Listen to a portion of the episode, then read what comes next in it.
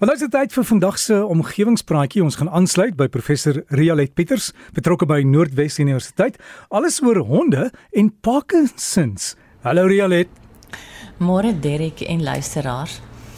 Vandag gesels ek oor 'n artikel wat in Januarie vanjaar in baie archive verskyn het. Twee Amerikaanse navorsers van Parkinson's Alert Dogs for Parkinson's of Pads for Parkinson's, 'n nuwe winsgewende organisasie in Washington State in die VSA, het dit reg gekry om verskeie troetelhonde op te lei om Parkinson's se siekte by mense raak te ruik. Parkinson's se siekte is 'n neurologiese siekte van die mens met verskeie simptome en daar word beraam dat meer as 10 miljoen mense wêreldwyd daarmee saamleef. Die grootste risikofaktor vir die siekte is ouderdom.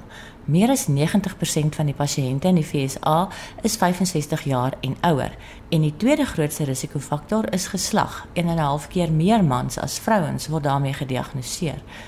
Die probleem is dat daar nie een enkele klinkklare diagnostiese toets is waarmee die siekte onomstotelik bevestig kan word nie.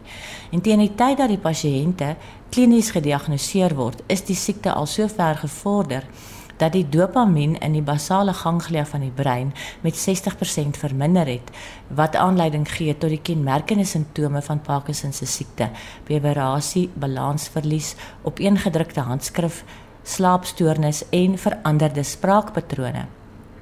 Die geleidelike afname van dopamien, dis 'n senuweeoordragstof wat boodskappe tussen breinselle oordra, begin reeds 5 tot 10 jaar voor die eerste simptome sigbaar raak. Die vermoede is nou dat as die siekte gediagnoseer kan word in die vroeë stadium en die mediese behandeling dadelik kan begin, dit die verloop van die siekte nog meer sal vertraag as wat tans die geval is.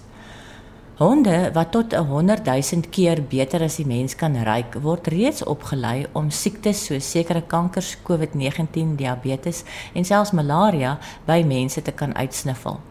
Maar om hierdie honde op te lei in fasiliteite wat daarvoor ingerig is, kos tot 'n 100 000 Amerikaanse dollar per jaar per hond.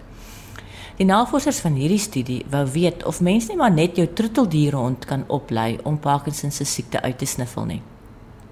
Dis reeds bekend dat hierdie siekte tot 500 unieke molekules in velolies vrystel. Duitse herdershonde word alreeds beskou as 'n honderas wat besonder goed doen met die opspoor van spesifieke reuke. Maar in 'n studie wat in 2015 in Journal of Comparative Physiology verskyn het, het dit gebleik dat mopshonde, dis nou pugs, net so goed soos die Duitse herdershonde kan ruik en in sommige toetse selfs beter gevaar het. Maar windhonde blyk glad nie geïnteresseerd te wees om reuke op te spoor nie. Die navorsers wou verder ook weet of die honde steeds die siekte sou kon herken, selfs al gebruik die pasiënt die levodopa medisyne wat algemeen vir die siekte voorgeskryf word. 23 honde van verskillende rasse, verskillende ouderdomme en geslagte het aan die studie deelgeneem. En daar was 43 leiers van Parkinson se siekte en 31 gesonde mense wat die honde se proefkonyne was. In die 2 jaar wat die studie geduur het, het die honde met 89% akkuraatheid mense met die siekte uitgeken en met 87% sekerheid mense wat nie leier is nie as sodanig uitgeken. Die honde het aan T-hemde wat die mense gedra het, geruik of aan watte wat oor die vel van die mense gevee is. Hulle kon die leiers uitken ten spyte daarvan dat hulle reeds op die behandeling met die medisyne aan die gang was. Honderasse wat deel van die studie was, was onder andere Pomerahonde of Pomeranians, Australiese skaaphonde, poedels en miniatuur schnauzers. Elke hond het 'n 8 maande lange opleidingssessie ondergaan.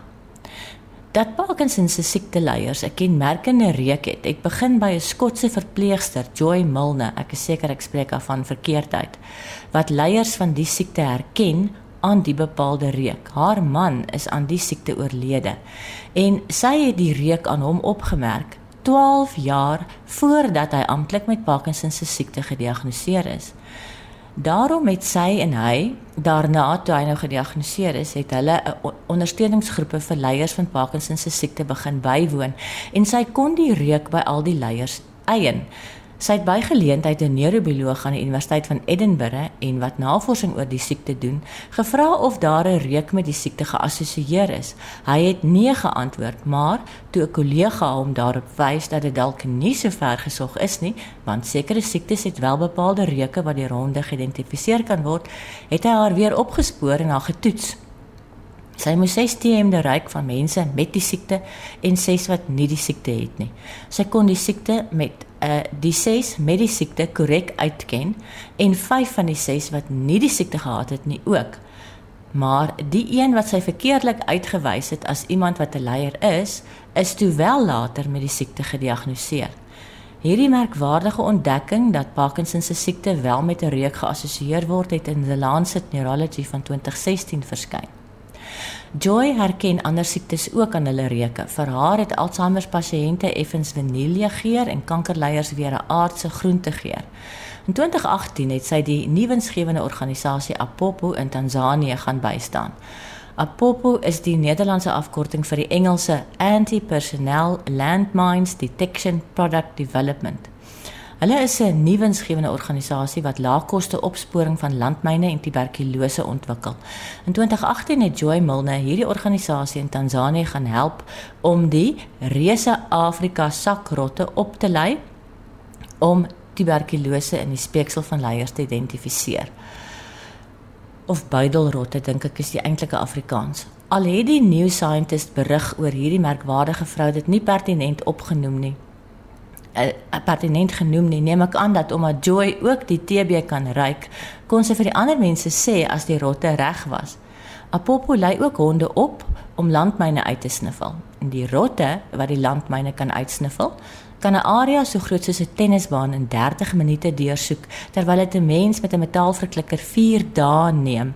En die rotte kan 100 spietem monsters in 20 minute deursniffel terwyl dit 'n laboratoriumtegnikus 4 dae neem om met die hulp van 'n mikroskoop dieselfde 100 monsters deur te werk. Ek het op omgewingspraatjies se Facebookblad foto's geplaas van die buidelrotte en van die honderasse wat effektief afgerig is om Parkinson se siekte raak te ry. Gaan loer daar.